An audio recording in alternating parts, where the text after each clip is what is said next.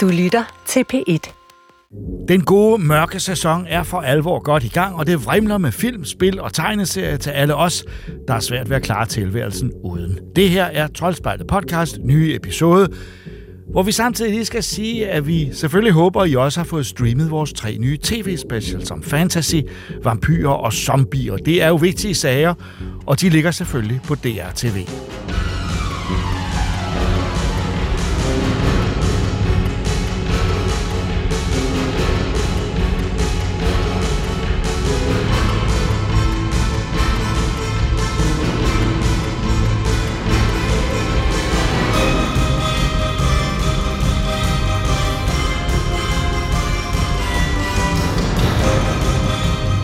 1977 grundlagde Nolan Bushnell, stifteren af Atari og dermed en af computerspillets pionerer, en helt usædvanlig restaurantkæde, hvor meningen var, at man både spiste pizza og spillede arkadespil, omgivet af animatroniske figurer, der optræder for en.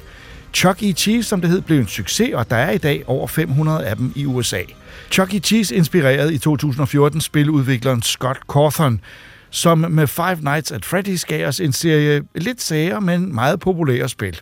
Cawthon var selv med på manuskriptet, da spillet skulle filmatiseres, og filmudgaven er nu i biograferne, hvor Benjamin og jeg har set den.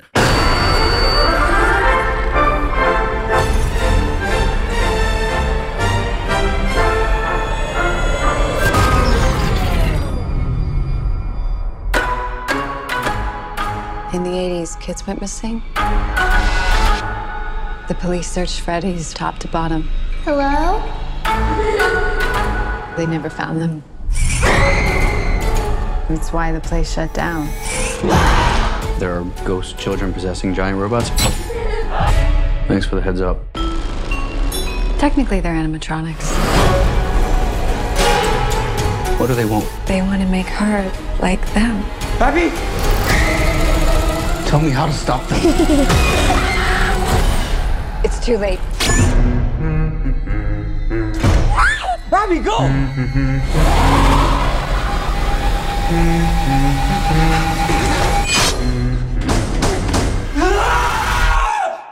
Og Five Nights at Freddy's er faktisk også blevet en overraskende stor succes for øh, filmselskabet Blumhouse, horrorfirmaet, Ja. som i den her film har fået en af de film, der har omsat for indtil videre flest øh, penge for dem.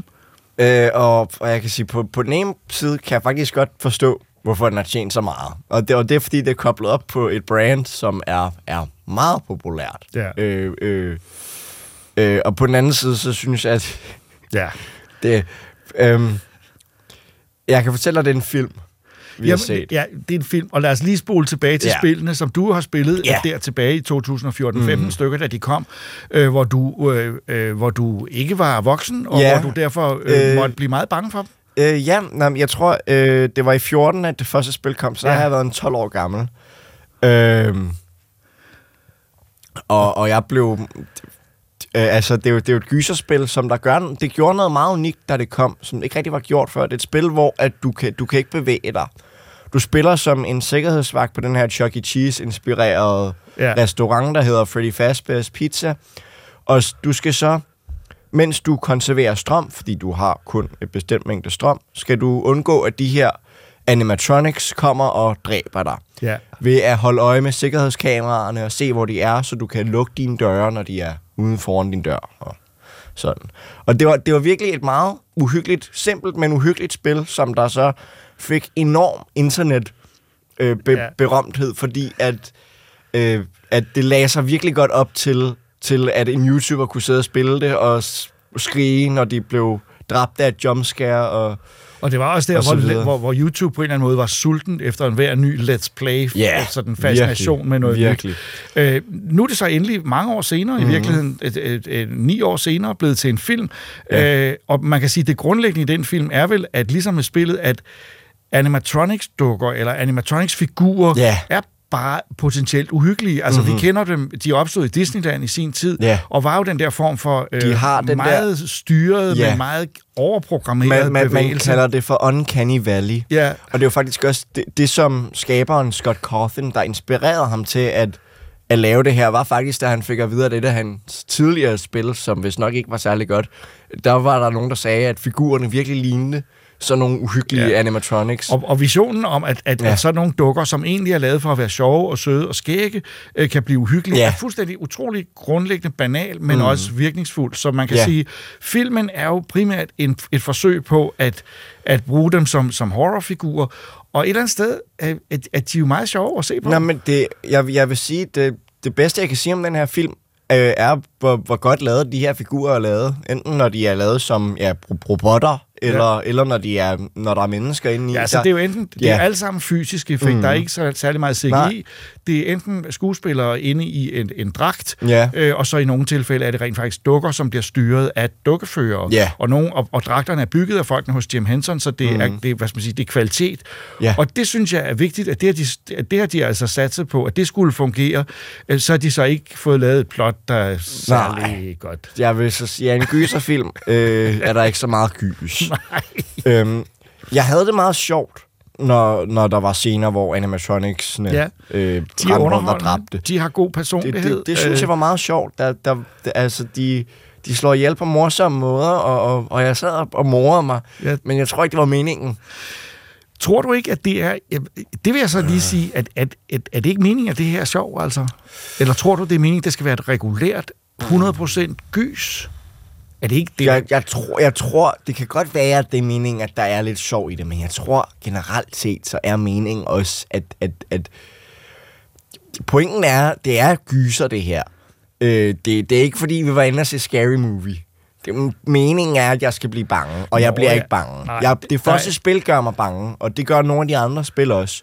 Det, det er ikke sådan en, en uhygge, der følger mig i min seng, men, men jeg bliver bange, og det her gør mig ikke bange. Nej, der er, ikke, der er nogle forsøg på nogle Ja. jumpscares, som er en lille smule Men- men, jeg pinlige nærmest. Ja, men jeg vil også sige, det er meget uhyg- svært at, at, at lave en film baseret på et spil, hvor du vildt det eneste, du laver, er, at du sidder på et kontor og kigger på sikkerhedskameraer. Ja, hvilket Det- der er jo det er meget- fascinerende over. Ja. Øh, men, og, og det, hvad man så ser der. Men, mm. men jeg synes jo bare, at, at, at, at, at jeg tillod mig selv at synes, at det var faktisk øh, halvt for skægt, det her. Og Ja. at sådan nogle animatronics-dukker, de kan godt være vildt uhyggelige.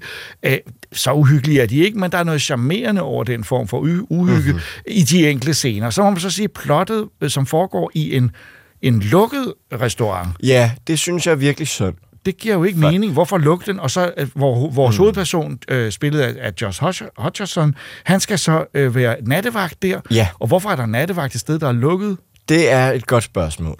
Det, altså, det, jeg, jeg, jeg, det, jeg ved det ikke. Nej. Og han har så en, en lille søster, en meget lille lille søster i forhold til mm. hans egen alder, en efternøler tydeligvis, som han kæmper med om noget forældrerettighed. Han har et Men- traume med en forsvunden bror, det kan vi godt Ja. sige, uden at spoil det. Ja. Så alt i alt er der noget forsvundne børn, som er, er, er drivkraften i det her, men, men det, det, Og det er også grunden til, at restauranten lukkede, men jeg synes, jeg synes egentlig. Jamen. grundlæggende, så er det synd, at, at den her film foregår efter, at restauranten er lukket. i spillene er den ikke lukket, vel? Øhm, det kommer an på, hvad for et spil du spiller. Ah, og, og, det, og der er og mange. Det, der er mange, og, og det er faktisk også et kæmpe spørgsmål, om restauranterne er åbne, når du spiller dem. Nå, okay. Fordi spillenes historie er, er meget sådan... Øhm, den er meget vag. Ja. Det er sådan en historie, hvor at, at du får et par hints, og så skal du selv sætte det sammen. Øhm, øh, hvilket også er fedt, og nok også en af grundene til, at det sprang i luften, fordi så var der en masse på YouTube, der kunne sidde og lave deres små teorier Ja, ja, ja. ja. og tjene penge Det er jo faktisk en af de største, en af de store eksempler på mm. en, en ægte independent øh, succes, der ligesom Ja. vokser viralt, uden at man helt kan kontrollere det. Og. Fuldstændig øh, og, og hvor masser af det indhold, der siden er blevet kendt, er skabt af fans. For eksempel musikken, som de bruger ret godt Ja. i filmen, synes jeg også. Ja, altså. jeg, jeg, jeg vil tillade mig at sige, altså når filmen slutter, og der kommer credits, så kommer der en fansang på. Ja. Five Nights at Freddy's. Ja. Øh, af Living Så Tombstone. endnu en gang, man skal Ja. blive siddende under slutteksterne. Der kommer også noget til allersidst, vi ikke helt forstår. jeg ved ikke, hvad det er, men der var noget mystisk. Jo, det, jeg tror godt, man kan forstå det lidt, hvis man, hvis man kender spillene.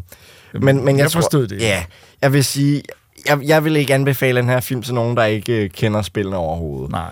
Men, men for mig, som voksede op med de her spil, som er øh, noget u- uhyggeligt og mystisk og spændende, øh, som jeg var meget besat af, da jeg var lille, så synes jeg, det, det, det var fedt at vende tilbage til at besøge i en lidt halslatten Ja, øh, det var lidt nostalgisk Ja. øh, øh, i virkeligheden. Og jeg har det også lidt sådan, jeg har set dig spille dem, mm. og synes, øh, øh, øh, det var, jeg synes, det var... Jeg kan huske, jeg kiggede lidt over skulderen, og jeg øh, undersøgte så også på YouTube, hvad spillene var, for det var mm. ikke svært, for de var overalt. Ja. Øh, og jeg kunne se på det, at det var noget, som jeg selvfølgelig som forældre skulle være lidt bekymret for, at du så, og omvendt var jeg, kunne jeg også godt se, det var ikke så rendyrket horror, at jeg skulle væ- vækkes af, at du havde mareridt over det. Ja.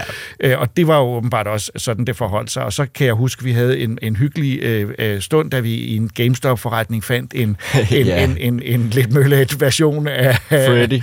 Freddy Ja. øh, øh, øh, i en, en tilbudskasse og købte mm. den. Han, og ham tog vi, vi tog os ligesom af ham, ikke også? Ja. Så, han, øh, så altså, men der er noget lidt rørende over det her øh, koncept, mm. øh, øh, også selvom at øh, øh, det er lavet af Scott Cawthon, som på en eller anden måde øh, ikke virker som om, han har haft hjertet med overalt i det her spil. Det har været meget, meget, øh, Ja. øh, det er meget... Øh, øh, og, og altså, det er meget øh, styret af, hvad er populært, og det, det laver jeg så. Øh, Ja, og der er også, når man kigger på spillene, det er måske lidt et sidespor for filmen, når man kigger på spillene og sådan, hvad, hvilken retning historien har taget fra Ja. spil til spil, virker det også som om, meget af det er, er, hvad han selv har fundet på, men der er også rigtig meget, hvor at, at han har taget fan-teorier, og så og så brugt dem. Brugt ja, Ja, dem. men det er jo en, en meget... Øh, øh, øh, og, og, og, og måske nogle gange med vilje gået imod. Altså sådan, Ja. ja. der, ja, det er noget råd. Mm. Ja. Men, men skal vi, er det faktisk her, hvor vi kan lave den klassiske formulering? Ja. Man skal vist være stor fan af Five Nights at Freddy's for at se filmen. Jamen, det, altså, det, det synes jeg. Hele hjertet.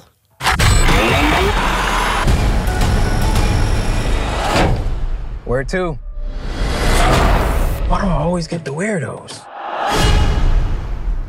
Serien af WarioWare-spil fylder 20 år i år, og det nyeste spil, WarioWare Move It, markerer til med samtidig det 10. spil i rækken.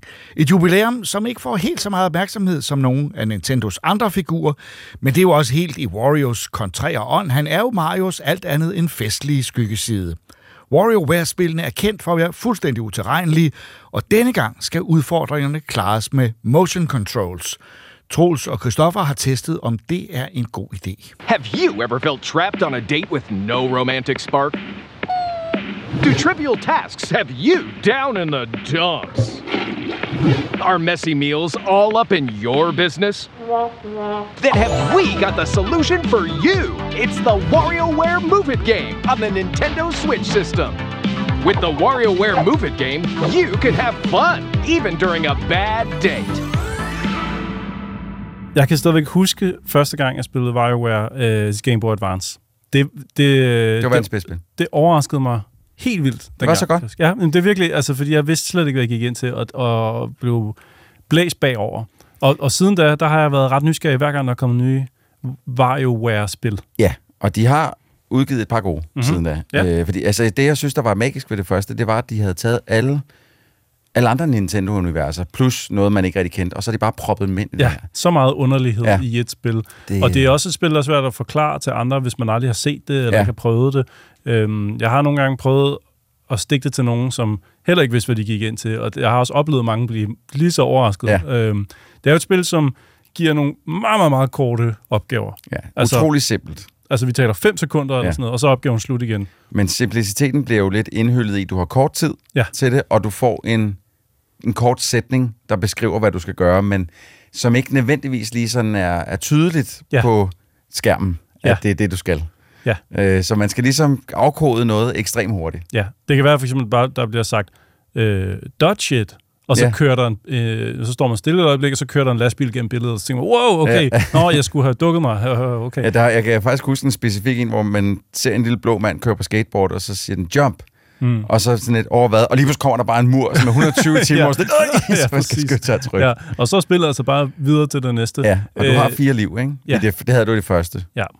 Og øh, hvis man ikke fatter det første gang, så er det den slags spil, hvor at så skal du bare, Man skal bare klø på. bare prøve igen. Ja, ja. Fordi jo flere gange du fejler, jo, jo hurtigere kan du afkode, Nå, jeg skulle have givet kosten Yes. til heksen. Ja, ja. altså, sådan noget. Det, det er ret sjovt. Det er sjovt øh, som partyspil især. Det er sjovt, hvis man er mere end en. Ja. Øhm, jeg, jeg spillede det derhjemme i stuen. Det nye her. der Ja, er og det hedder jo. WarioWare Move It. Move It. You Ja. got to move it, move it. Lige præcis. Og øhm, som man nok kan høre på titlen, så er det jo simpelthen, fordi man skal til at bevæge sig noget mere. Ja. Øh, det er ikke første gang i øh, WarioWares historie, at, at de ligesom er gået uden for sådan traditionelle øh, controls. Der har været noget øh, twisted, tror jeg det hedder sådan noget. Men det, det her, det er, øh, det, det er selvfølgelig Switchens controller, man klikker af kon- konsollen Ja. og holder i hånden. Og så har den gyroen inde i, der kan mærke, hvilken vej du holder den. Den har også sin infrarøde læ- øh, hedder det, sensor, og den har, øh, der er al, alskens skotter i de controller, Ja. som, øh, som kan, kan facilitere dine bevægelser ind i Ja. Så det, øh, hvis man har prøvet sådan noget som 1, 2, 3 Switch, øh, Ja. de forskellige spil, der Ja. kommer ud derfra, så kan det være, at man allerede godt ved, hvad man går ind til her. Ja. Det er lidt det samme, men bare i sådan et lidt mere syret, Ja, surrealistisk. Pa- pakket ind i et, i et syreunivers, Ja. ja. totalt. Lige præcis. Det, det handler om, at Vario vinder en rejse til en, øh, en ferieø, og øh, det er selvfølgelig ikke kun for ham, det er for vennerne også. Ja. Så alle tager derud og har forskellige oplevelser på den her ø. Og jeg, jeg kører lidt hurtigt over plottet, fordi man spiller ikke det her for Doesn't plottet. matter. Nej, det er fuldstændig Det er ligegyldigt. Og det er um, ultra-japansk humor. Ja. Øh, dejligt øh, bizart og Jeg siger, specielt. altså, ja, selve opgaverne synes jeg jo godt, man kan grine af. Altså, Ja. ja. det, er ikke, det er ikke sådan, som, hvor man sidder tilbage fuldstændig uforståeligt. Sådan lidt, hvad, hvad? Jo, det gør man, men på en sjov måde. Ja. Det er mere altid med, at historien er altid sådan noget weird noget. Ja, der er, bare lige for at give et eksempel, der er et tidspunkt, hvor tre af Varus øh, venner tager ud og kigger på et øh, hulemaleri og ser Ja. en figur på, tegnet på en væg, mm. en underlig øh, blæksprutte-figur eller sådan noget, og så tager de en tidsmaskine tilbage, og så spiller Som man, man alle, gør. så spiller alle de her, man spiller en masse opgaver, øh, som du også har prøvet, Ja. hvor, hvor man skal klare en masse ting, og imens nede i bunden af skærmen, så er der en, øh, en, en hulemand, som tegner han bliver så inspireret, da han ser de her tre fra fremtiden stå foran sig, så han tegner, mens man løser opgaver. Klart. Og selvfølgelig så, efter man har løst sine opgaver, så, er man så, så kommer Vario gående forbi og får et chok, fordi han ser sine venner tegnet som hulemaler. Ja, det er klart. Det giver absolut ingen mening. Nej. Og der er ikke nogen grund til overhovedet at dvæle ved det heller, fordi Det er lige meget. det har ikke noget at gøre med opgaverne Nej, nej, nej. overhovedet. Det er der bare som Ja. sådan en... Det er meget Nintendo. Det er meget Nintendo, Ja. ja. præcis. Øh, man skal være til det. Ja. Jeg, øh, jeg fik jo sagt fra starten af, at jeg er meget fascineret af den her serie af spil, Ja. og har holdt af den i mange, mange år. Jeg ved ikke, om det her det er et af dem, vi kommer til at huske i mange år frem. Og det er jo faktisk også allerede det andet, var jo, at Ja. vi har fået til Switchen. Det første var bare en del bedre. Det, det var også mere traditionelt, Ja. som man kan sige det sådan. Og det er ikke, fordi jeg vil være ham den gamle sure, Mm-mm. som siger, det var bedre i gamle dage. men men der, det her, det, det hedder Move It, og grunden til, at det hedder Move It, det er fordi, at man har de her sensorer, og man skal gøre alt muligt med det. Det er Joy-Cons, og man skal gøre alt muligt med det. Altså, man skal typisk stå op, Mm. og du skal bevæge dig, Mm. for at få de her ting til at ske. Og have der, plads. Og have plads. Og være to. Men det er, man skal simpelthen spille det her to-player. Ja, altså, det det, Move It er et to-player-spil. Hvis du står og spiller det alene, så har man lyst til at sige, så er du goddamn taber. Men det er, er du men selvfølgelig Ej, ikke, det vel? er man ikke. Det er man selvfølgelig ikke, men det giver bare nul mening at spille det her og spille Ja, alene. det, det, det får ikke det samme svung, som... Nej. Altså, det, Vi det- stod og spillede det jeg stod og spillede det med herude på redaktionen, og det er kun sjovt, når man kan stå og råbe ind, Nå, du gør det forkert! Ja, lige præcis. Ja. Det er, øh, jamen jeg stod derhjemme og spillede det i stuen, og kunne godt mærke, der er et eller andet, der mangler her. Ja. Fordi jeg hygger mig, men jeg er ikke sådan flad grin. Øh, jeg kan se kvaliteten i det, men jeg oplever den ikke, Nej. Hvis du forstår, hvad jeg mener. Og så tog jeg det med herud og satte det op til, på, på kontoret her, Yes. gav det til dig og Regitze, Yes. og så var vi jo flade grin Ja, ja. I, i et godt stykke tid. Altså, Så var det jo sjovt. så var det altså. sjovt, men det er grin af hinanden. Ja. Altså, Det er, ikke, det er ikke spillet, der er sjovt, det er hinanden, der er sjov, Ja. der spiller spillet. Man at står med armene i vejret og prøver at ramme sine arme op i nogle kæmpe næsebor. Ja. Og man, øh, man skal gå som en pingvin, og man skal Ja. pumpe med numsen til en stor snibbold. Altså, ja, det havde været rigtig sjovt, at det var bump med numsen til en snipper. det, er nogle, det er nogle absolut fuldstændig vanvittige ting. Øhm, og det er nok et klart og tydeligt partyspil. Det, det det, synes jeg, det er. Altså, havde, øh, jeg havde ikke øh, øh, fået, jeg har ikke nået at få spillet dem. Jeg havde Alan Wake 2, som, mm-hmm. øh, som har slugt alt min tid. Ja. Øh, så det var dejligt, du lige har taget det med, så vi kunne spille det her Ja. redaktion, så jeg lige kunne nå at få et impression af det. Og det, det er egentlig det sjove ved det her spil. Du behøver altså en halv times gameplay, Mm. så ved du, hvad du får. Ja. Der, der er ikke, øh, det er ikke sådan, at det lige pludselig bliver, bliver sådan en kæmpe triple A-oplevelse eller noget. Det er bare de her små opgaver. Og jeg vil sige, så længe man er to, så vil jeg faktisk gå så langt til at sige, så er det en kæmpe anbefaling. Så Ja. længe at man, man ved, nu køber jeg det her spil, for at tage det med til hyggeaftenerne yes. sammen med vennerne. Kæmpe anbefaling. Det er lige præcis det samme, jeg har tænkt. Jeg har tænkt, at hvis du, øhm, hvis du køber spillene, hvis du er sådan en, der køber spil for Ja. dig selv, Altså, der er lige kommet et nyt Mario-spil. Lad det ligge. Der er lige kommet et helt nyt Ja. Mario Wonder. Ja. Det, det, det er til dig. Det er det, man køber. Hvis du er typen, som køber et brætspil til, når du er i sommerhus eller sådan noget, ikke? eller du køber brætspil, fordi når vennerne kommer over, så skal I have noget at spille sammen, Yes. så, er det, så er det det her spil. Ja. Helt klart. Jeg vil så Øhm, til gengæld sige, nu nåede vi jo både at spille party mode og så øh, almindelig story mode. Ja, og, og der den er en stor forskel. Ja, den der party mode, der, der bliver det lidt til sådan et brætspil, hvor man skal slå med en terning, og så bliver man stillet nogle opgaver i. Og i hvert fald de opgaver, som vi blev kastet ud i der, de var røvkedelige. Det går langsommere, end man forventer af et WarioWare-spil. Man Ja. forventer højt, højt tempo med kort reaktionstid. bang, bang, bang. Og her, fordi at man spiller mod hinanden, så tror jeg, der sker noget med tempoet, fordi, som du siger, det, det er mere et brætspil, altså man har en plade, man rykker rundt Ja. på. Og der, jeg tror, det er fordi, at man, man simpelthen skal bekæmpe hinanden, Jamen, og, de, ja, og man får meget bedre tid til at udføre sine opgaver og sådan noget, Ja. så er det ikke, føles det ikke som et WarioWare-spil, når man spiller det i party mode. Nej, jeg synes, jeg synes heller ikke, det var nogle sjove opgaver, og jeg synes heller ikke, den grafiske fremstilling, altså du blev frem, det du kunne, ligesom kunne se, det var bare sådan nogle mannequiner, der står mm. uden ansigt, som laver nogle ting, som du så også skal lave.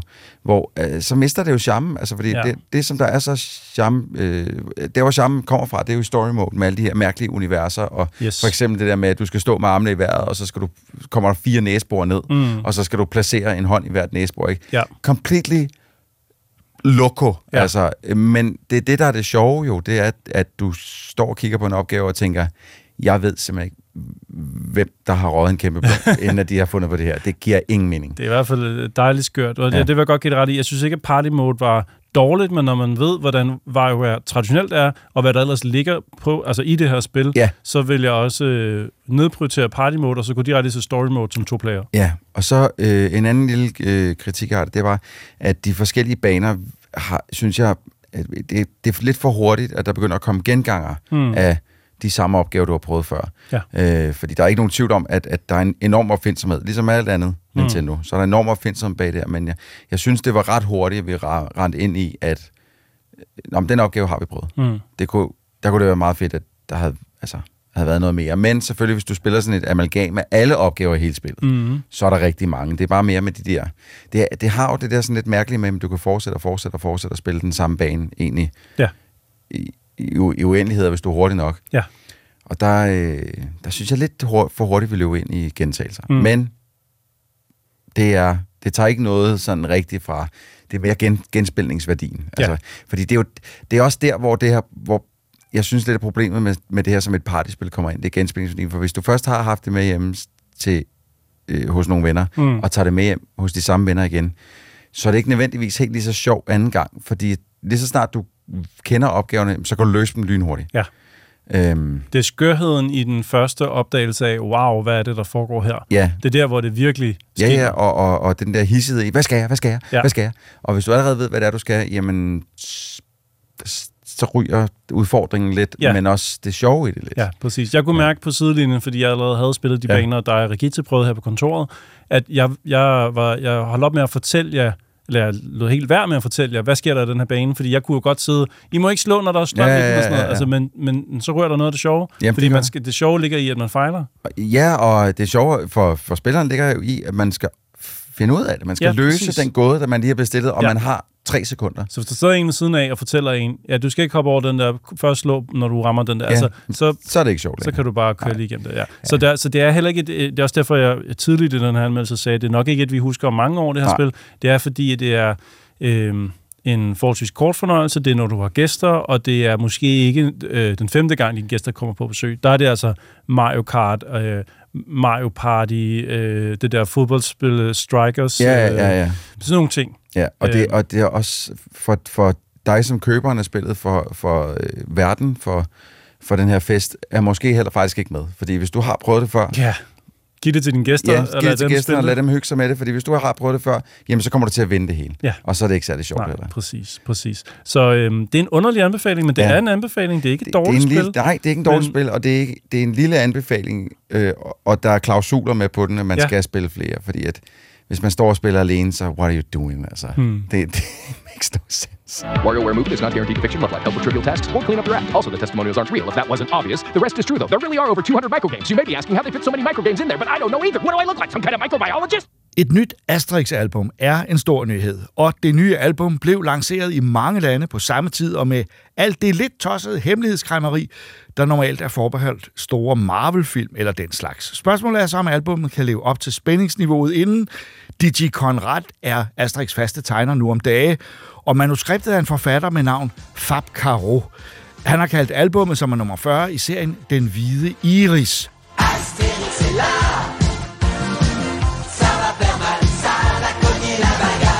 Og jeg har læst, at øh, Fab Caro har sagt blandt andet, at han godt kan lide de...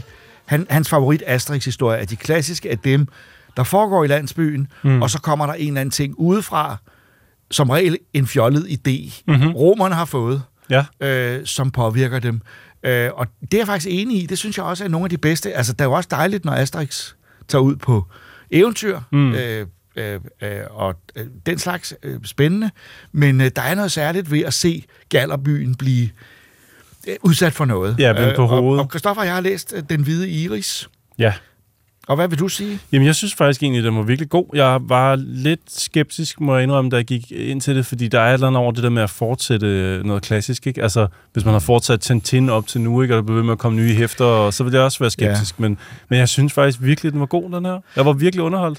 Altså, jeg vil også sige, at øh, Fab Caro, der, ham vil, øh, skal man lægge mærke til, fordi øh, jeg har ikke set en forfatter, der så præcist ramte den tone fra René Mm. Goscinis øh, tid, de gamle dage, hvor han jo skrev de vigtigste og store Asterix-album. Ja. Øh, Jeg får mindelser om, om øh, nogle, af de, nogle af de allerbedste af albums, øh, Tvekampen for eksempel, øh, øh, eller Lus i skinpelsen. Øh, nogle af de album, hvor, øh, hvor gallerne bliver sat op mod øh, hinanden. Ja, ja. Og jeg, jeg synes, at den, den er god til at trække ting ind fra, fra vores samtid, mm-hmm. altså, og gøre det relevant i Asterix-sammenhæng. Jeg synes, det er, det er virkelig godt ramt. Jeg havde flere gange sådan en mavefornemmelse af, at jeg egentlig faktisk bare læste videre altså de gode hæfter. Og det er jo en fantastisk det... gave til, til ja. De to herrer her. Øh, Tegneren øh, Konrad er allerede etableret som en øh, fuldbefaren Asterix-tegner, vil jeg sige. Men øh, det øh, Fab Caro gør, er jo, at han, han, øh, han hiver fat i et aktuelt fænomen, som er positiv tænkning. Ja, det må man sige. og coaching og Ja. den slags. Altså folk, der sætter sig op som at sige, nu skal vi høre, vi laver om på, på den måde, I tænker på, og, Ja. og, og, og går ind i virksomheder og institutioner og laver alle mulige former for ekstremt øh, irriterende og, og, og, og, og, og ofte øh, fuldstændig nytteløse sådan, øh, øh, seminarer, hvor man pludselig laver nogle lege sammen og Ja. skal lære et eller andet om, hvordan man omgås hinanden. Ja, øh, og ham her, han har altså en idé om, at øh, alt kan løses med positiv tænkning. Ja, ja.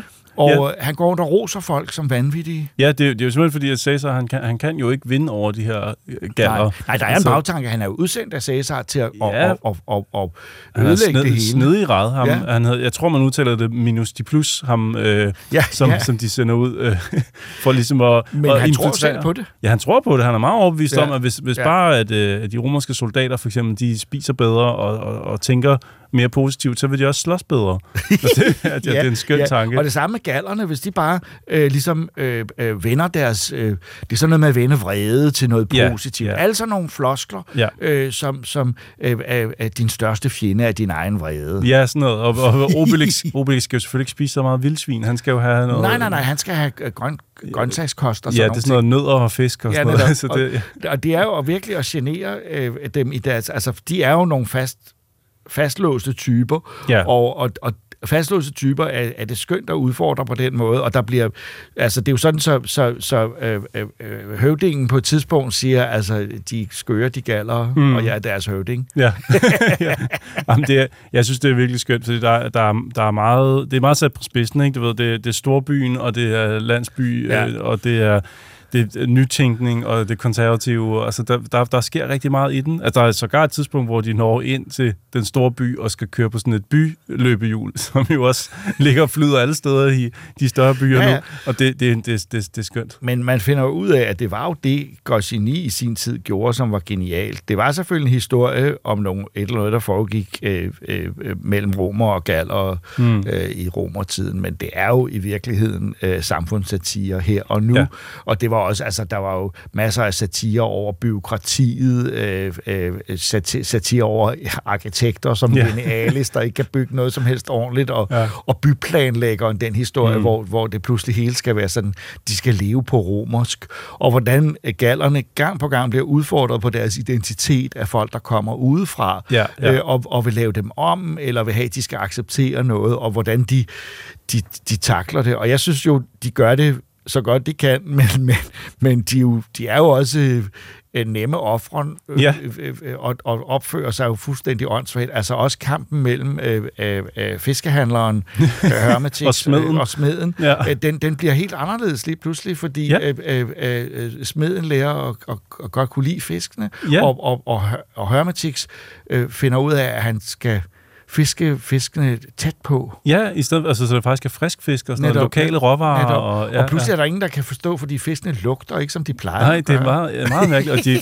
og hver gang, at de lige ved at blive uvenner, eller der, altså, ja. Ja. der, hvor de burde skændes, så siger Ja. de bare sådan nogle floskler til hinanden. Ja, ja. Altså, det minder mig om, når man scroller på Facebook og kommer forbi sådan en, en tegning af en minion, så står der også altid sådan en floskel ved siden af. Det, ja. Ja. det er nærmest det, der infiltrerer er- den her by. Det er managementfloskler, det er floskler fra, fra, fra, fra coachkulturen mm. og fra hele den der selvhjælpsting. Øh, Men det er så først og fremmest altså en mand, der har sat sig for, at med positive holdninger til alting, så kan, man, kan alt blive bedre. Og hans plan er jo dybest set, at romerne skal kunne indtage den her by. Ja, lige præcis. Han vil jo gøre dem så øh, bløde, kan man sige et eller andet sted, at, at, de, at de kan køre dem midt over. Ja. Øh, altså groft sagt, ikke? det er ligesom plottet.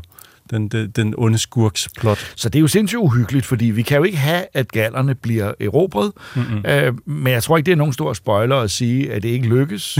Spoileren vil være at sige, hvordan det lykkes, hvordan ja, det ikke lykkes. Det er rigtigt. Og man kan sige, at Asterix har virkelig en klassisk rolle i det her som den skeptiske. Ja, Manden, der ser igennem det hele. yes. Ja, og så har han den gode Obelix ved siden af, som følger med, og som simpelthen er så hyggelig. Jeg synes virkelig, de rammer øh, humoren og stregen rigtig fint i forhold til, hvad man kan forvente i 2023 af Asterix. Altså, jeg, der var flere steder faktisk, hvor jeg grinede højlydt af det, og det sker ikke specielt tit, vil jeg sige, af en tegneserie. Især ikke, når jeg har så lave forventninger i forvejen. Netop, og, og vi må også lige huske at rose den danske oversættelse. Der er virkelig mange morsomme ordspil. Det er Mm. François Erik Grodin, der har overtaget, øh, det har han gjort længe, den, den øh, rollen fra den store Asterix-oversætter Per Då, og jeg synes, han gør det lige så godt som Ja. ja. Då. Øh, Jeg synes, det, det rammer præcis. Og den er udkommet samtidig i Frankrig og her, øh, så øh, det, det er jo lidt af en begivenhed, den hvide iris.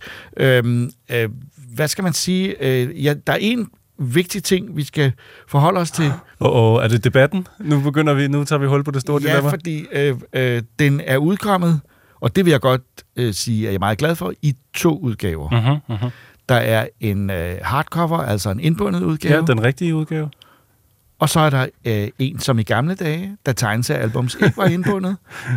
øh, Som- I hvert som fald nok- ikke Asterix. Som jo nok er den rigtige udgave. Som er den, den, den er ikke så holdbar, den er mere blød i det, øh, men, men for mig er det altså sådan, et Asterix-album skal være. Alle mine gamle Asterix-album er jo ikke indbundet. Mm-hmm. De er hæftede, det er bløde, øh, altså så er det selvfølgelig et lidt hårdt cover, men det er stadigvæk ikke øh, med, med hård kant, og det kan jeg godt lide. Ja, ja, den kan bukkes, den kan næsten rulles, den kan foldes. Ja, den, nemlig. altså, man kan det, tage den i baglommen. Ja, det er rigtigt, men det kan man ikke med den hardcover. Jeg, har, det kan man ikke. jeg tror også, at øh, jamen, jeg kan godt forstå din følelse. Selvfølgelig skal den jo Tak, være den, tak. den, den bløde version.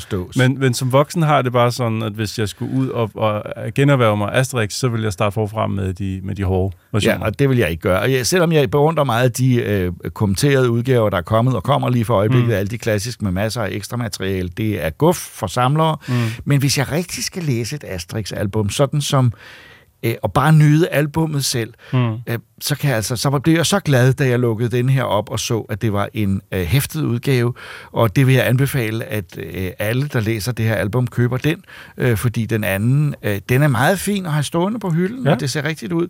Øh, øh, den, den ser fin ud, men, men, øh, men Men den bløde, den bløde version, ja, okay, det okay. rigtigt. Jamen, det ville også måske være lidt som, hvis de begynder at lave Anders Sand Company i hardcover en gang om ugen, eller ja, det vil også være noget underligt noget. Men det kan ske. Øh, der kan komme en samlerudgave hver uge, og, og jeg vil sige, man kan jo støtte det ved at købe begge to. Øh, jeg håber i hvert fald, det går godt for Asterix. Jeg synes, at med DJ Konrad og nu forfatteren her, Fab Caro, at der er ordentlige folk øh, øh, på posten. Det er ikke bare malkning af en af en, en, noget, man kender, og som folk bare køber automatisk. Det er sgu gode historier, Lige og præcis. det er et en super underholdende album. Er det på højde med klassisk Goscinny? Jeg tror måske nok, mængden af vitser øh, og små henvisninger er lidt mindre, Mm. end, end det var i et af de bedste. Øh, jeg synes, det var lidt hurtigere læst. Ja, ja jamen enig. Det er ikke, fordi jeg siger heller, at den kommer på siden af de klassiske, men af hvad man kan forvente, når man går ind Ja. til en, en, en, som du kalder det, en malkning, ja. så, så synes jeg virkelig, de slipper rigtig, rigtig godt fra ja. det. Altså, det synes jeg bestemt. Det må jeg sige. Den Hvide Iris er et rigtig godt Asterix-album, og det er nyt, og det er da en begivenhed at kunne sige det.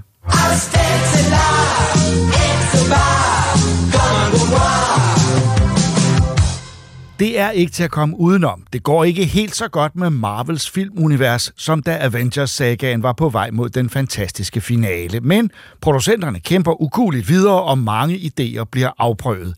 Lige nu er vi i femte fase af Marvels Cinematic Universe, som begyndte med Ant-Man and the Wasp, Quantumania og fortsatte med Guardians of the Galaxy 3.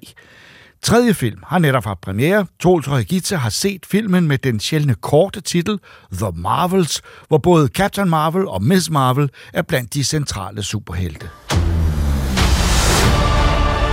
What are you prepared to do? I'm invincible. Your powers only make me stronger. So you can't be matched. Can't be controlled.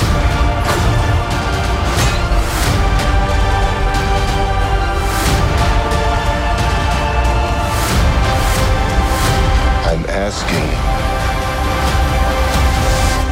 for one last fight. Nå, Regitze, nu har vi været inde og se uh, den nyeste Marvel-film på stammen, som, hvor, hvad for en, jeg kan ikke engang huske, hvad for en fase det er inde i nu. Fase 4, tror jeg. Fase 28. Fase 28 af MCU. og jeg skal, uh, altså, jeg bliver nødt til at indrømme, jeg, øh, jeg er ved at være lidt metaltræt af alt det her uh, superhelte noget. Og jeg synes, hvis jeg skal være helt ærlig, heller ikke øh, mange af de sidste mange film, som er kommet ud af Marvel-studiet, uh, har været specielt gode. Nej. Men Ja. så får vi tilbud at komme ind og se The Marvels. Med Alison Brie i hovedrollen som Captain Marvel. Og jeg kan Hun hedder godt... Brie Larson. Undskyld, Alison Brie, det er hende fra, fra Community. Brie Larson, det er også forvirrende.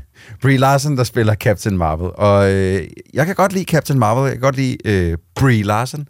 Øhm, så jeg var, jeg var egentlig frisk nok på at tage ind og se den her. Og, øh, og så må vi nok hellere give ordet videre til dig. For du kan, det er det pæneste, du kan sige.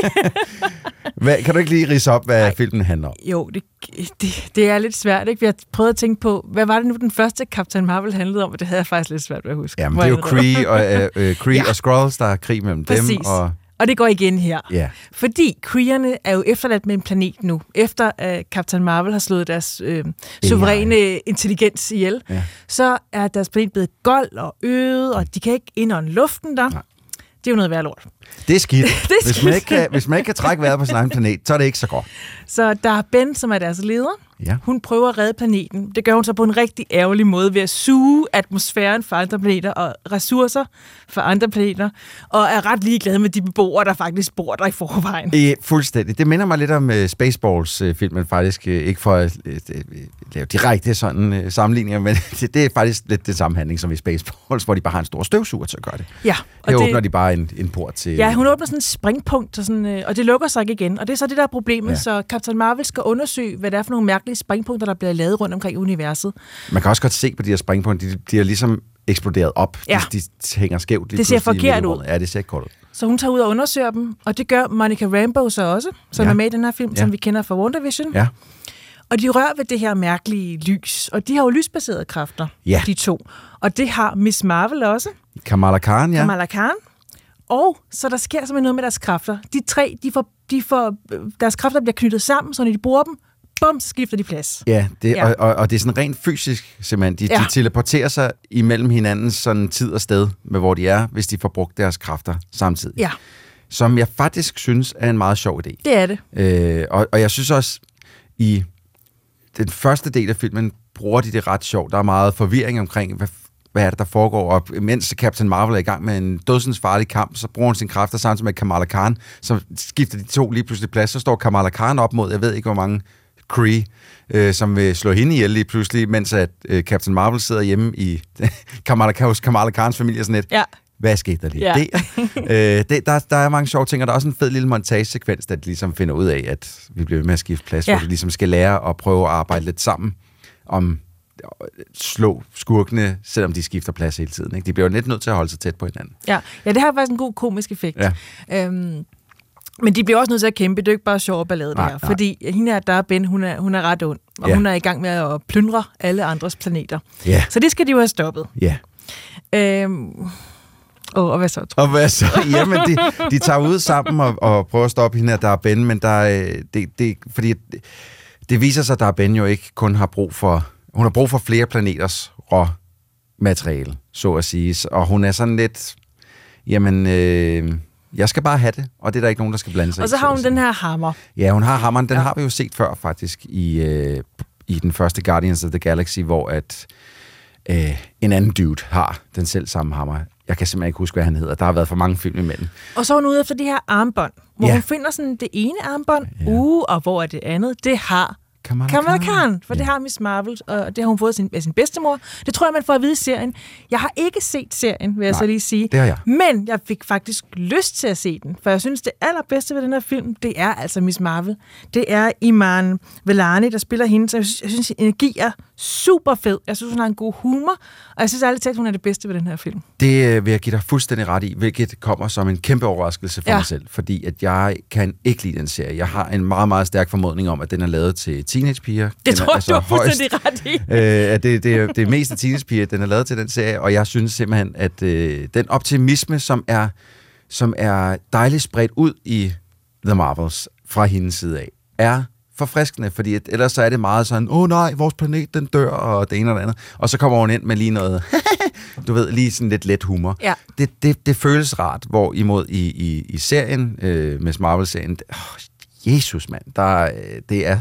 Det er så sukkersødt alting, som jeg fik, man fik nærmest en dårlig smag med. Ej, men jeg tror, du har ret i, du nok ikke er kernepublikum. Nej, det tror jeg desværre ikke. Øh, Jeg ville ellers gerne kunne lide den, men, øh, men sådan det. Jeg, jeg, jeg må indrømme også hende her, nu har jeg, øh, jeg har set noget af WandaVision, men hende er Monica Rambeau, var jeg helt out of the loop på. Jeg vidste, jeg, nu havde jeg jo set den første Captain Marvel, så jeg vidste, hvem hun var datter af, som ja. Sådan, og havde set en lille pige, men, men det klikkede ikke, før man så et flashback. Nå, det er hendes ja. Datter. Og der har jeg lige en lille opsang til Disney. I bliver simpelthen nødt til at lade være med at tro, at alle har set jeres 440.000 timers underholdning inden for MCU-universet, for at bare kunne følge en lille smule med i, hvad der foregår i jeres nyeste film. Det er sindssygt irriterende, fordi øh, det skal ikke være nogen hemmelighed. Jeg fik fucket lidt op i den første optagelse af det her, så vi har faktisk lavet den her en gang. Det er anden gang, vi sidder og laver den her. og i den første, der, øh, der var du nødt til lige at... men Det er hende fra WandaVision, var sådan et, god Åh, oh, Jesus, mand. Man kan jo ikke huske... Altså, det er umuligt at huske alting. Ja. Huske alle mennesker, der er med alle steder. Og det er ikke kun her, det er problem. Det er også i Star Wars-universet. Jeg synes, det er lidt irriterende, at de bare forventer, at alle folk har set med. Lav en historie, så alle folk kan følge med i, hvem der er hvem her. Og det er min første kritik. Ja, det kan jeg godt forstå. Også fordi hun er altså lidt, lidt kedelig. Hun jeg er- synes, hun er lidt generisk. Hun er lidt ligegyldig for hele den her film, synes jeg. Det, og hun har ikke noget sådan... Øh, det, det er Captain Marvel, der synes, jeg synes, der bærer den her film fremad. Ja. Det er Kamala Khan, som, som står for humoren i filmen, for hjertet i filmen. Hende her går jeg ud fra, fordi hun er, hun er øh, hvad hedder sådan noget, øh, øh, hun er sådan professoragtig ting, så hun skal, hun skal sådan være hende, der finder ud af alting, men der er sgu ikke så meget at finde ud af, altså. Nej, og så fylder det også ret meget af deres forhold. Hun kalder jo øh, øh, Carol for tante, Ja. fordi de var så gode venner, øh, Ja. mor, hendes mor og Carol. Ja. Og så forlod øh, Captain Marvel hende som barn, fordi Ja. hun skulle ud og ordne noget. Ja.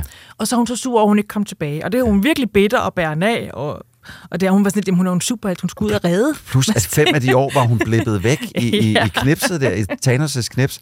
Hvor jeg, jeg, jeg kunne ikke lade være med at være sådan lidt, who gives? Who gives a F? Jeg gider ikke sidde og høre på det der mærkelige øh, intertekstuelle forhold, de to er kørende, som jeg, som jeg intet forhold har til på en eller anden måde. Det virkede som spild af min tid. Men det er ikke den her films største problem. Nej. Agitze. Den her films største problem, det er, at den er så goddamn fjollet.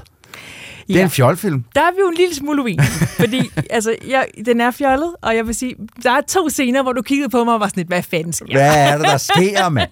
og, der, og det var næsten de scener, jeg synes var sjovest, fordi de er virkelig langt ude. I den ene, der besøger de en planet, og jeg vil ikke sige meget mere, men der, de kommunikerer på en helt speciel måde på den her planet. Jeg synes, det var virkelig skægt. Ej, jeg var du så synes, træt. det- Jeg var sådan, lidt, hvad, hvad er det her for noget, mand? Altså, hele galaksen er i fare, og så er det det her fjol, I kommer op med. Ja. Ej, jeg bliver sindssyg. Og det andet, det, var, det er noget med nogle katte, og så skal vi heller ikke sige Nej, mere. skal vi heller ikke sige mere. Øhm, men jeg synes, det var ret, jeg synes, det var åndssvagt, men jeg synes, det var åndssvagt på den gode måde. Ej, det, den med katten, vil jeg også sige, den er, va- den er nærmest den værste. Der, der, der sad jeg og kiggede på dig lang tid, følte jeg i biografen lidt, og forventede en reaktion fra dig, sådan lidt. Birgitte, sig noget. Det, det er ikke godt, det her. Ej, og det vil jeg så også give det ret i. Det er ikke en særlig god film. Det er det altså ikke. Øh, Den er bedre end den sidste Ant-Man-film, det synes jeg. Den var også helt Ja, forfærdelig. den var helt, men den er ikke lige så god som Guardians of Galaxy 3, som Nej. jeg var ret vild med. Totalt undervurderet. Jeg forstår slet ikke, den har fået så meget. Nej, øh, det forstår jeg ikke. Den, jeg var virkelig vild med den. Men den her, jeg synes, den ligger så bare i midten, og den er sådan lidt ligegyldig. Jeg synes, det er fedt at se en kvinde båret af tre helte, og en kvindelig skurk, Ja. instrueret af en kvinde, skrevet af kvinder. Yes. Og den er jo instrueret, instrueret af Nia Da Costa, Ja. som stod bag Candyman. Ja, som var Øhm, en fin film. Fin film. Ja, ja. Altså, det havde været fedt med noget lidt mere uhyggeligt i den måske også. Jeg, ved, jeg synes ikke, Det får var... ikke lov til. Uh, Disney. Nej, det måske de have. ikke. Men øh, jeg, jeg er fuldstændig enig. Jeg synes også, det er dejligt. Også, altså, øh, jeg synes, når, de, når der bliver lavet en Captain Marvel-film, så, så synes jeg også, den skal være kvindebåret. No doubt. Jeg synes bare, det er ærgerligt, at det er, så ikke er en god film. Ja. For en gang skyld. For jeg synes faktisk... Øh, jeg synes, der, den, den er bare den er for fjollet simpelthen. Altså der, det, igen, vi har Kamala Khan, som jeg synes løfter de scener, hun er med i, men det, det, det er ikke nok. Jeg synes, historien er fjollet. Jeg synes, mange af scenerne er fjollet. Jeg synes også, øh, på mange måder, så øh, altså, det er svært at lave en Captain Marvel-figur på filmen, fordi hvad fanden skal man gøre med hende? Hun er udødelig. Ja, hun er for stærk. Hun er den stærkeste i hele galaksen. Øh, det, det, det er nærmest lade sig gøre at gøre det interessant, og så skal man lave det, ligesom de gjorde i de gamle Superman-dage med Christopher Reeve, hvor det i virkeligheden ikke er ham, der er i fare, men dem, han holder af, der er i fare. Ja. Og dem har Captain Marvel bare ikke særlig mange tilbage. Jeg tror det var det, de var nødt til at gøre det der med kræfterne, sådan, så hun netop kom til at skifte plads hele tiden, så det, og det, for at det gjorde det svært for hende. Ja, Jeg ved det ikke. nej. Men jeg synes, du har ret, fordi hun- det er jo ikke spændende, når man ved, hvor stærk hun er, så er det jo sådan... Nej, og, og så løsningen på hele filmen, kulminationen på hele filmen, som du kom, da du kom ud af biografen, Stille Trus, Ja. den løsning på den kulmination på den her film, hvorfor var det, de ikke fandt på det til at starte med? Det er altid så trist at se en film, og sådan det, det der kunne redde det hele. Hvorfor tænkte de ikke på det med det samme, og så kunne så mange liv være skånet? var verdens det nemmeste mest, løsning. Det var mest oplagte løsning, der tog fem minutter. Og man var sådan lidt, åh, hvorfor tænkte de ikke på det noget før? Og det, det, det hader man, når man kommer i tanke om, fordi det, sådan, det ødelægger hele filmen. det, var, det var virkelig irriterende. Virkelig irriterende. Og jeg, havde, jeg var så vred over så mange andre ting, så jeg havde slet ikke noget at tænke over det der. Så lige snart du kom ud og sagde, det, det der, de gjorde i slutningen, hvorfor gjorde de ikke bare det i starten? Var sådan lidt, Nå ja, det er der også, mand.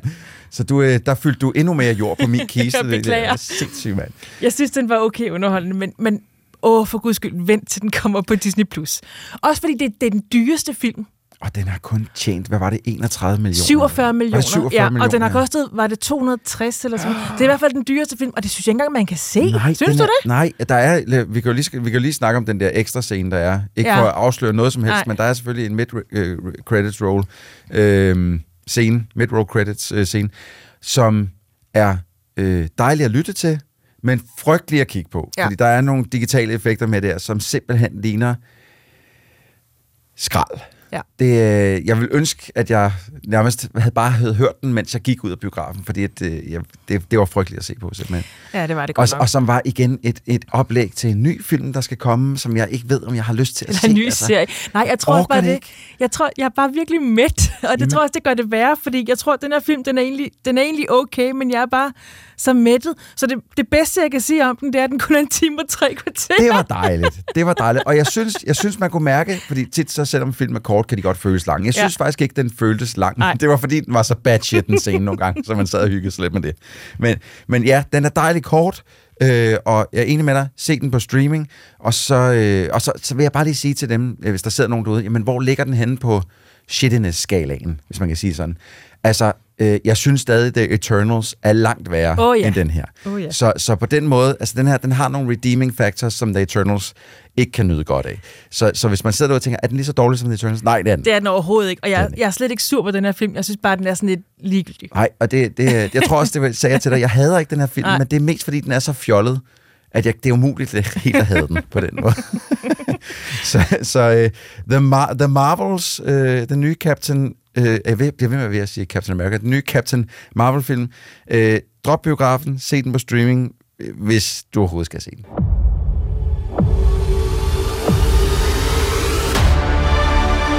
The Marvels, rated PG 13. Monica, you gotta fly. No, no, no. I... Black girl magic. Den finske udvikler Remedy står bag nogle af de mest mystiske og spændende spil på markedet. Max Payne 1 og 2 med de komplicerede plot om stoffer og korruption, Quantum Break om tidsrejser og Control, hvor der vidderligt var trængt noget ind i vores univers, som bestemt ikke hørte til her. Fra Remedy kom også Alan Wake i 2010 om en forfatter, der blev drevet til vanvidets rand af sine egne historier. Det var måske ikke studiets bedste spil, men der er alligevel kommet en efterfølger, hvor forfatteren endnu en gang er i problemer med de historier, han selv har skrevet. This wasn't some random act of violence. This was a ritual. A page of text written with a typewriter. Someone's been watching us. How do you run from an idea? From a story that lives in your head? I need to escape this nightmare. Troels har spillet Alan Wake 2, og også gys lidt undervejs, fordi lidt. det er øh, det ser jo meget uhyggeligt ud, fordi øh, øh, alle personerne er jo fanget i den der historie, og der er et mor eller flere. Ja, altså der, ja, der er flere. Øh, hele spillet øh, åbner egentlig op med, at man, øh, man følger hende her, Saga Andersen, som er en øh, FBI-agent, og er øh, akkompagneret af Alex Casey, som hvis, hvis figur er blevet lagt til af Sam Lake, der har skrevet spillet selv, og også spillet Max Payne i sin tid, ikke med stemme, men nej, nej, med udseende. Nej, nej, nej, ja, ja. Øh, og, og, øh, og de er blevet kaldt ud til den her lille by, Bright Falls, igen, som også, hvor spillet også foregik i, i det første Alan Wake, hvor der øh, lige pludselig er dukket en oppustet stor mand frem, der mangler et hjerte. Og så tænker man sådan lidt, nå for søren, det er jo bare et mor og sådan noget, men lige pludselig så dukker der en kult op, altså så er det en kult, der har gjort det, og Øh, og man får at vide, jamen der er også ham her forfatteren, der har været forsvundet i 13 år. Og, og selvom han mangler hjertet, ham der, så, så kan han, lever der, han op der igen. Der er jo en forfærdelig, uhyggelig sekvens, som, som øh, du har vist mig. Jeg hader det her spil på mange måder. Ja, jeg altså, kan, fordi virkelig, jeg sidder om aftenen og spiller det men, selv. Uh. Men øh, du sagde jo, altså det første spil var jo ikke sådan et, et, på mange måder ikke et mesterværk. Er toeren ved at være bedre end etteren, fordi man også ligesom kender Alan Wake i forvejen nu, og ved, at det er spørgsmål om horror og indlevelse mm. og Altså, jeg vil sige, et, det der gjorde, at jeg måske ikke synes, at etteren var så interessant, det var egentlig fordi, at der var, det virkede som om, de havde lavet et spil, der var for langt. Der var ikke ja. nok indhold til, til alle de ting, du skulle lave, så noget af det blev sådan lidt monotont på en eller anden måde, at du skulle lave det samme igen og igen og igen. Hvor at det her, det er langt mere, altså ligesom med, med Quantum Break, hvor, hvor Remedy ligesom lavede en, en tv-serie ved siden af, øh, samtidig med, at der var en del øh, ægte filmede klip med ægte skuespillere med i spillet så er de blevet langt bedre til at lave de her cinematiske oplevelser, hvor at, at, at Sam Lake og Remedy tager dig i hånden og siger, nu skal du nu fortæller vi dig en historie, som du selv er en del af. Mm. Og det, det, man kan bare mærke, hvor meget dygtige de er blevet til det. Så det her, det er, det er langt bedre pacet, altså tempoet er så meget bedre her, og, og historiefortællingen er også bedre her. Øh, og de har også rigtige filmklip med her, rigtige skuespillere, som med den deres Northlight Engine, som de bruger til at bygge spillet i. Altså, nogle gange, så sidder man sådan i, hov, nå, nu er det ægte, nu er det rigtige filmede billeder, fordi du, det er lige før, man, hvis man får misset lidt med øjnene, eller kun lige, så kan man ikke se forskel. Altså, det er så sindssygt Men det er jo lagt op som det er en traditionel krimi, ikke også? Dybest ja, set. men i, i, mere sådan i Twin Peaks-stil, ja, du ved, sådan noget, hvor alting er underligt. Ja, ja. Øh, øh, da man spiller hende her Saga og ankommer til Bright Falls, den første gang, man besøger den her, øh, øh, den her lille diner, kommer ind, så, så er der en, en servitrice derinde, som siger, hej Saga, godt at se dig igen. Igen? Aldrig set hende før. Hvad snakker du om? Ja, men det var også synd med din, med din lille søn, som druknede ud i søen jeg har lige snakket i telefon med, hvad fanden snakker du? Altså, du ved, det der med at rende ind i folk, som siger noget Det til er dig. vildt uhyggeligt, Helt altså. vildt ubehageligt. Men hvad skal man så som spiller? For det her lyder som om, man bare oplever en krimi. Du, du øh, ser historien fra to vinkler af. Øh, du starter med at se øh, alt det, der leder op til det, der skal til at gå i gang fra Sega Andersens side, og så lige pludselig så skifter du over til at blive Alan Wake, og Ja. så når du har gennemført hans ligesom, introduktion, så kan du sådan skifte imellem dem. Men det var også logisk, fordi hun er jo udenfor på en eller anden måde, mens Alan Wake er centrum i det. Han er en horrorforfatter, ja. som er traumatiseret af sine egne historier, eller, eller hvad er han? Ja, men det- det- Er han en forfatter? Jamen, er han- en del af en morgåde, og er han morderen? Altså, nu skal du ikke afsløre noget, Nej, men man jeg, kunne jeg, kan godt, jeg kan godt at han- afsløre lidt, han, fordi han har lidt et alter ego i den her, en, en, en, en slags kopi af ham, en klon af ham, som bliver kaldt Scratch. Øhm, og det er ham, der er den onde, så at sige. Men han ligner Max Payne. Eller undskyld, ikke Max Payne, for jeg blander Ja, Han ligner jo. Alan Wake. Ja. Og, og, og er forfatter ligesom Alan Wake, men han er en del af øh, det her mørke, som, øh, som er sluppet ud af Alan Wakes historier og ind i de ægte, den ægte verden. Ikke? Og, og Sega Andersen her, hun har også lidt et Altså, hun har også nogle evner, men med en af sådan de gameplay-elementer, det er, at det er, at man kan ligesom gå ind i sit inner space, og så skal man prøve at så har man beviser, man sætter op på en væg og laver de der, som man altid Ja, ja, ja, ser i filmen med lange røde streger, Ja, ja. eller hvad hedder det, snor og sådan Så noget. jeg Ikke? har en eller anden mistanke om, at der ikke er nogen politifolk, der gør i virkeligheden. Nej, men- men, men øh, i det, film og det fungerer godt for at forklare Ja. ja. os, hvad der foregår. Det er et visuelt skide godt trick, Ja. ja. og, det, og det fungerer helt vildt godt her, men man kan så også gå ind og, lave, og profile, som, som FBI nu engang gør i virkeligheden også, hvor man kan. Man får en sag om en, en formodet morder, og så kan man profile ham. Øh, og der, På basis af på basis af den information, du Ja, har. netop, ja. Men hun har så nogle lidt ekstraordinære evner, så hun kan sådan... Så hun har nogle overnaturlige evner. Øh, ja, det vil jeg kalde det. Altså, hun kan sådan sætte sig ekstraordinært meget ind i, i folks sind og finde ud af ting, som de ikke har fortalt en. Men det er der jo mange, altså det er jo den der spændende teori om, at hvis man virkelig vil fange en uhyggelig morder, skal man, skal man blive ham. Ja. Altså man skal, man skal, man Tænke skal som dem, overtage ja. ja. Øh, personligheden. Det er jo en klassiker. Ja. Og det er virkelig det, hun gør. Altså. Det, det, det kan hun noget af i hvert fald, øh, øh, og, og, og selv de scener er sindssygt uhyggelige, altså, fordi at de bliver hele tiden, eller de bliver tit afbrudt af det der, det mørke, som er trængt ind i den virkelige verden, på en eller anden måde, som blander sig i de der visioner, hun har på en eller anden måde. Ikke? Og er, altså, jeg kan ikke fortælle dig, hvor mange gange jeg har været ind i et, et, et rum, eller et nyt sted, hvor jeg ikke har været før, og så kommer der lige sådan et bang, sådan en hurtig klip af et eller andet uhyggeligt lige op på skærmen, som jeg Altså ultrakort, bare Bare, lige, bare lige sådan to frames, Ja, bum, ja, ja. og så med en ordentlig eksplosion i musik og lyd, der bare lige vælter ud, ikke? hvor jeg bare har lyst til at tage min mus og tyre den ind i min skærm og sige, hold så op! Jeg vil ikke have det. Det var det, vi i gamle dage troede, øh, man kunne lave, der hed subliminelle klip, yes. Yes. som ikke kan lade sig gøre, Nej. fordi man ser det. Ja, ja. Øh, øh, øh, men det mening var, at man skulle ikke se det. Men her er det vel også nogle små glimt, som bare det gør dig utryg, det ikke også? ja, altså. fordi at du, du ved, at hvis der dukker sådan noget op, jamen så, øh, så det, det sted, du lige er ankommet, der er sgu nok problemer der. Ikke? Okay, det er en... Det er, en, en, en Det er som regel en indikation af, at mørk, altså. ja, det er mørket er til stede her. Ikke? Og de har også de har sådan nogle, nogle audio cues, og hver gang du... Øh, når, når du kommer op og kæmper mod nogen, så øh, er, det, er det folk, der... Det er silhuetter af folk, en skygge af Ja, folk. ja. Og så er du nødt til at bruge din lommelygte til at lyse på dem Ja. med ekstra styrke. Der er sådan en knap til ligesom at lyse Ja, med ekstra styrke, og så dukker de frem i lyset, så at sige, og så kan du skyde dem, ikke? Som er pisseuhyggeligt. En ting, som man godt vil vide, tror jeg, hvis man ikke har spillet det, og egentlig godt vil spille et uhyggeligt ja. spil, er, er, hvor udpenslet og, og splatter og ulækkert er det. Fordi det er ligesom der, det er sådan har jeg det i hvert fald. Jeg vil gerne skræmmes, men ja. Ja. jeg har ikke lyst til at kaste op. Jeg synes ikke, at det er... Øh, jeg, kunne, jeg tror, jeg kunne nævne tusind spil, som er mere blodige end det her, men der er... Altså, du ser ret meget ned i, i, i i et åbent bryst, hvor der mangler et hjerte og sådan noget, men det er ikke, fordi blodet vælter ud over det hele. Så hvis det er blod, man har et problem med, så tror jeg faktisk godt, man vil kunne spille det. Ja. Øh, men hvis man bare synes, det er ulækkert, når folk har store åbne sår og sådan noget, så er der i hvert fald en stor chunk i starten, som er rimelig ulækkert.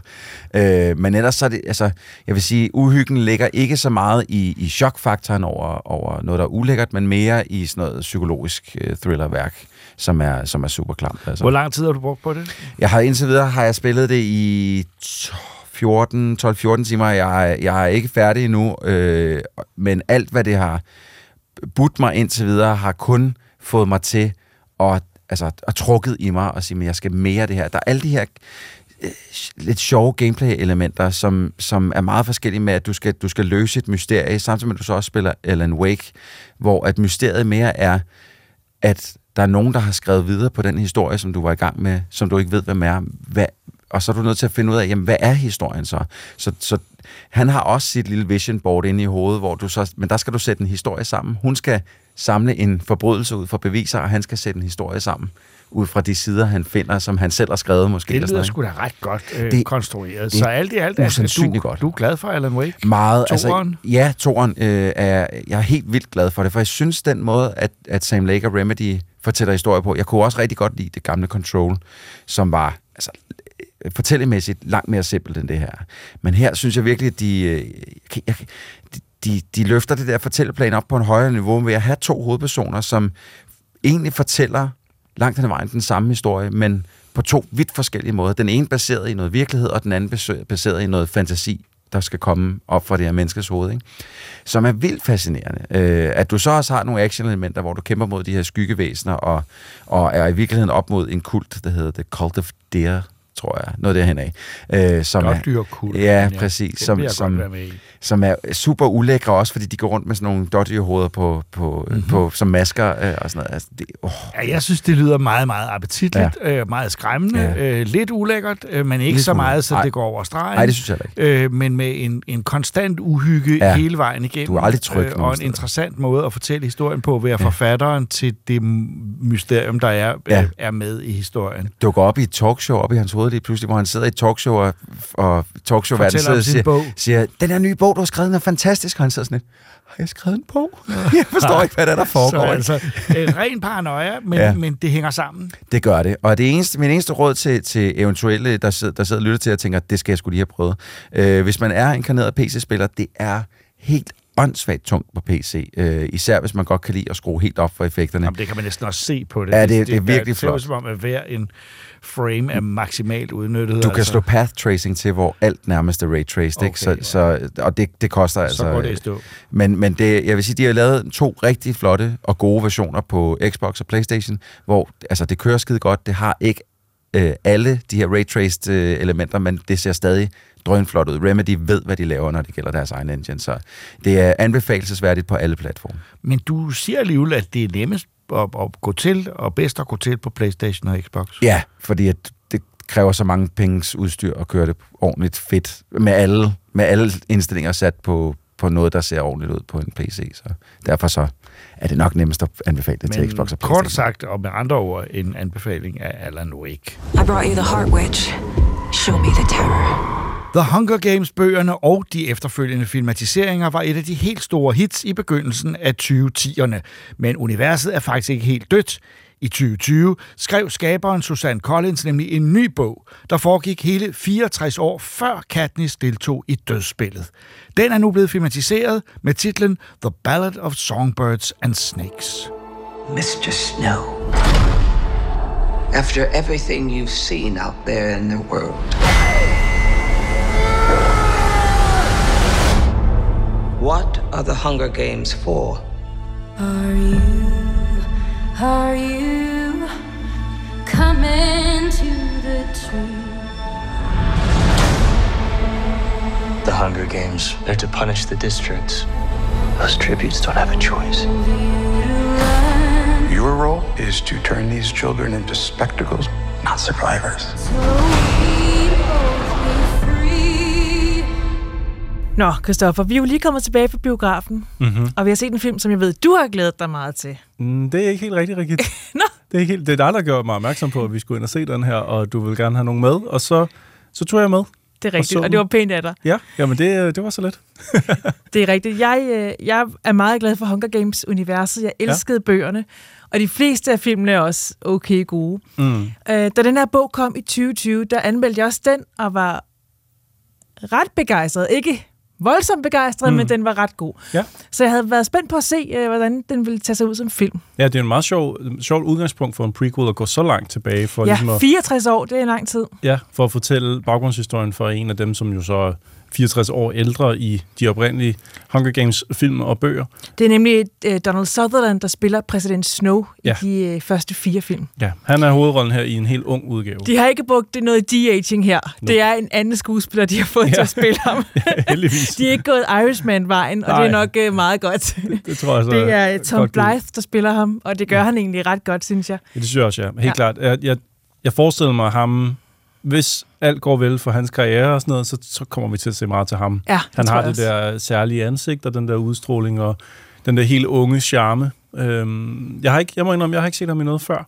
Nej, det heller ikke. Han er helt ny for mig. Jeg tror, at han kunne blive sådan en Timothy Chalamet-lignende. Øh, Han har spillet hovedrollen i Billy the Kid-serien, som jeg ikke har set. Mm. Så han var også helt ukendt for mig.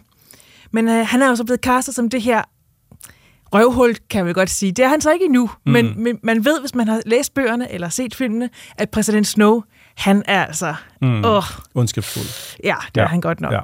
Så det er meget interessant at tage en, som er så forhat, og gøre ham til helten. Ja. Ja. Ja. Øh, han er kun 18 år her, så det, og han er faktisk, jeg synes, han er rimelig sympatisk. Ja, men Ja. Det, han balancerer jo ligesom mellem, at man skal...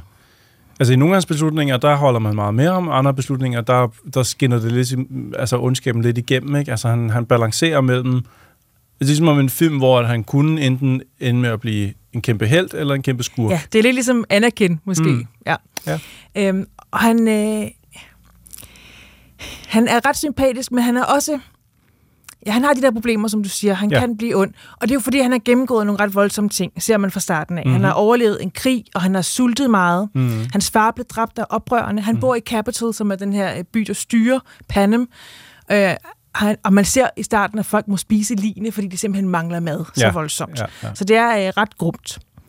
Øh, men han, de, han er ud af den her meget rige, fornemme familie, men de har bare ingen penge tilbage. Ja. Så alt det, de ejer, er utrolig gammelt og er ved at gå i stykker. Mm. Jeg kan huske i bogen, der levede de af bønder hele tiden, fordi det var så billigt. Okay. Øh, og man ser også her, at han har ikke rigtig har adgang til så meget mad. Ja. Men han går på den her fornemme skole, og han er virkelig en mønsterelev, og han håber at få et øh, legat, så han kan studere på universitetet, for det er Mm. den eneste måde, han får råd til det på. ja, han vil gerne bryde ud Ja. af cirklerne, så Ja. at sige. Ja, ja. Men så sker der det, at øh, der, der for 10 år i træk bliver holdt det her dødsspil, eller Hunger Games, hvor øh, zoner fra distrikterne skal kæmpe og slå hinanden ihjel. Mhm. Mm-hmm. Ligesom vi kender det fra de oprindelige bøger. Ja. Det er så kun 10. gang, de skal gøre det i år. Men folk gider ikke rigtig se det. Og ja, måske, hvorfor gider man ikke se børn dræbe børn, kunne man sige. Måske fordi det er sådan rimelig barbarisk. Ja. Øh, så de prøver at gøre noget, for at folk kan blive engageret i det. Mhm. Og det har øh, Snow så en idé til, Ja. hvordan man gør det. Og plus det, så skal han også være mentor for en af de her zoner. Mm. Og han får så den her øh, søde pige fra Distrikt 12, der hedder Lucy Gray, som ikke rigtig vil kunne kæmpe noget som helst, men hun har en vidunderlig sangstemme. Mm. Og den må hun så bruge for ja. måske at skaffe nogle øh, sponsorater, så hun kan få noget hjælp ind i den her arena, når de skal kæmpe. Ja, og som man nok allerede kan regne ud, hvis man har set traileren eller hører plottet, så opstår der selvfølgelig ting, øh, følelser mellem de to hovedroller. Øh, og jeg ved ikke, det, jeg tror ikke, filmen er lavet til mig, for jeg synes jo langt hen ad vejen, at det, det kunne man jo nok godt regne ud, og meget af filmen, der tænker man, jamen det går ret meget den retning, som jeg tænkte, at det ville gå. Og så hen mod den sidste tredjedel, der, der bliver der taget nogle beslutninger fra figurerne, hvor jeg, jeg føler lidt, at jeg bliver efterladt i sådan en, nå okay, jamen det var, det gjorde de vel så. Altså det er som om, at, at butikken, skal, ja, butikken skal lukkes, og øh, kunderne skal ud. Altså, det er ligesom om, at ja, det ved jeg ikke, der er nogle ting, der går lidt hurtigt til sidst, men jeg tænker også, at når man filmatiserer en bog, så er det nok også nogle af de ting, som der er mere udpenslet i bogen, bogen, og som der går lidt hurtigt til sidst her. Jeg kan huske, den er jo inddelt i tre akter, Ja, øh, og jeg kan huske, at jeg tænkte øh, med bogen, at tredje akt var virkelig føles påduttet og forseret og Nå, åndssvagt. det lyder lidt som den oplevelse, jeg havde med filmen. Præcis, og jeg havde det lige sådan, da jeg så filmen, jeg tænkte, "Åh, jeg havde håbet, den sluttede efter akt 2, fordi Mm. jeg synes, hele den der tredje del, den er unødvendig, og Ja. jeg synes, at, øh, jeg ved ikke, jeg synes ikke, det gør noget godt for filmen. Nej. Til gengæld synes jeg, at den del med dødsspillet, hvor de faktisk er, hvor Lucy Gray kæmper, den var ikke så god i bogen, fordi man i, i Hunger Games bøgerne, de første, er man helt inde i hovedet på Katniss, man mm. ved lige præcis, hvad der sker i den her arena. Ja. I bogen, der følger du præsident Snow, som står uden for arenaen. Ja, og kigger på. Og kigger på. Ja. Øhm, her synes jeg, du, det føles mere intens, fordi du er inde hos Lucy Gray, og du Mm. ser, hvad hun laver, og man ser, hvad der sker derinde. Ja. Så det synes jeg faktisk var formidlet virkelig godt. Så den hele dødsspillet fungerede super godt. Mm. Og, og jeg synes helt klart, at de to første dele af filmen var de bedste. Ja. Og så var jeg sådan lidt, Åh, men det vidste jeg så godt fra bogen, at jeg synes, den tredje del var lidt ærgerlig. Ja, ja. Øhm, jeg ved ikke helt, altså min samlede konklusion er nok lidt, at det, jeg tror ikke, den her film er lavet til mig, og det vidste jeg også godt, inden jeg skulle se den. Altså, øhm, Maze Runner og Enders Game og Hunger Games og sådan noget, det, det er ikke lige min øh, kop te, og den er nok heller ikke lavet til mig. Øh, og jeg gik også lidt derfra med en følelse af, at jeg havde nok ikke selv sat den på i min egen fritid, og jeg kommer nok heller ikke til at huske den sådan om, om fem år, så har jeg nok lidt glemt, at jeg overhovedet har set den. Men jeg kan også godt forestille mig, at folk, der er meget inde i det her univers, vil sætte pris på den, fordi det er jo ikke, den er jo ikke dårligt eksekveret. Effekterne er ikke dårlige, og altså, folk spiller jo sådan set ganske fint. Det er ikke fordi, altså, der er ikke noget, hvor jeg kan sige, at den, den er dårlig på grund af det her. Jeg tror også bare, måske visuelt, at den ikke appellerer til mig heller. Altså, Nej. jeg føler lidt, at jeg sidder og ser en tøjreklame for et mærke, jeg aldrig kunne finde på at købe tøj fra i to og en halv time. Jeg synes, den skiller sig meget fra de andre. Også fordi pa- Panem og især Capital, det foregår 64 år før. Så ja. det er jo ikke lige, ikke lige så fremtidsagtigt, Nej. som det er i de første film. Folk ser ret normale ud i tøjet. Altså, Jamen- det, alle ser ret normale ud, og det er ikke de der store spektakler. Øh, de er jo virkelig klædt voldsomt ud øh, i, de, i de oprindelige film. Ja, Øh, og det har man slet ikke her. Det hele er meget mere normalt, og Det den arena, mere- de kæmper i, er bare sådan en betonbygning. ja. ja. Det er mere tonet ned. Det er mere tonet ned. Hvilket, hvilket tror også... Jeg tror, det er en af årsagerne til, at jeg vil sige, at det her er nok den bedste Hunger Games-film, jeg har set, fordi jeg var ikke så meget til den der sådan, det femte element, sådan over, overgjort, Ja. øh, altså sådan flamboyante, der er i de tidligere. Præcis, for den er jo faktisk overhovedet ikke sci-fi-agtig. Man ser, at de bruger nogle droner på et tidspunkt, og det, ved jeg, det synes jeg var ret sjovt, men de Jo, fungerer virkelig dårligt. Men man ser også, at de tager øh, fotografier på et tidspunkt. Kig lige Ja. herover, så er der en blitz, og så er det sådan en kamera fra 1930'erne Ja, eller sådan noget. præcis. Altså, det er sådan en mærkelig øh, fremtids øh. Øh, jeg tror ikke helt, det taler til mig. Jeg bryder mig ikke så meget om det visuelle i den. Øh, desværre. Nej. Det er bare ikke lige mig. Jeg, jeg var faktisk ret godt tilfreds. Ja. Øh, Jeg tror, hvis man kan lide bogen, og man kan lide universet, så skal man helt sikkert se den. Jeg Mhm. synes, øh, de spillede godt. Jeg, synes, jeg, jeg, er faktisk, ja, jeg er tilfreds. Ja. Den er lige... Åh, den var lang, Christoffer. Ikke? Det To er- timer og næsten 40 minutter. Det er en lang film, ja. Det, og ikke, hvis man bare havde fjernet akt 3, så havde det passet rigtig godt. Ja, ja det er faktisk rigtig... Akt, ja. ja, det er ikke engang løgn. Det, Nej. ja, der, så ville den have været en time og 40 ja. Eller en time og 45. Det var, det var ganske fint, men ja. To, mere end to og en halv time, der begynder det lige at Ja, strække sig det lidt. synes jeg, det gør. Men Ja. det gør det næsten på alle film. Men, Mm. men jeg synes generelt, den var værd at se. Ja, bestemt. Og så tror jeg, at vi kommer til at se meget mere til de hovedroller, fordi det er bestemt ikke deres skyld, at jeg sidder her og siger, at jeg ikke er så meget til den. And mysteries have a way of driving people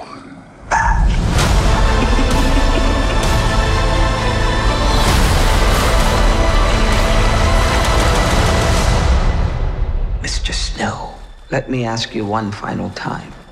What are the Hunger Games for? Troldspejlet podcast er slut for i dag, men inden vi slutter, vil jeg lige mine fans af horrorfilm, og hvem er ikke det, om dette års blodige weekend, som finder sted i Empire Bio i København fra den 22. til 26. november. Og det bliver blodigt med film som den koreanske Project Wolf Hunting og den belgiske seriemorderfilm Megalomaniac. Men der bliver også plads til retro-horror i form af et gensyn med Exorcisten i ny udvidet udgave og bidrag fra Danmark, Nattens Engel og Sidste Time, begge fra 90'erne.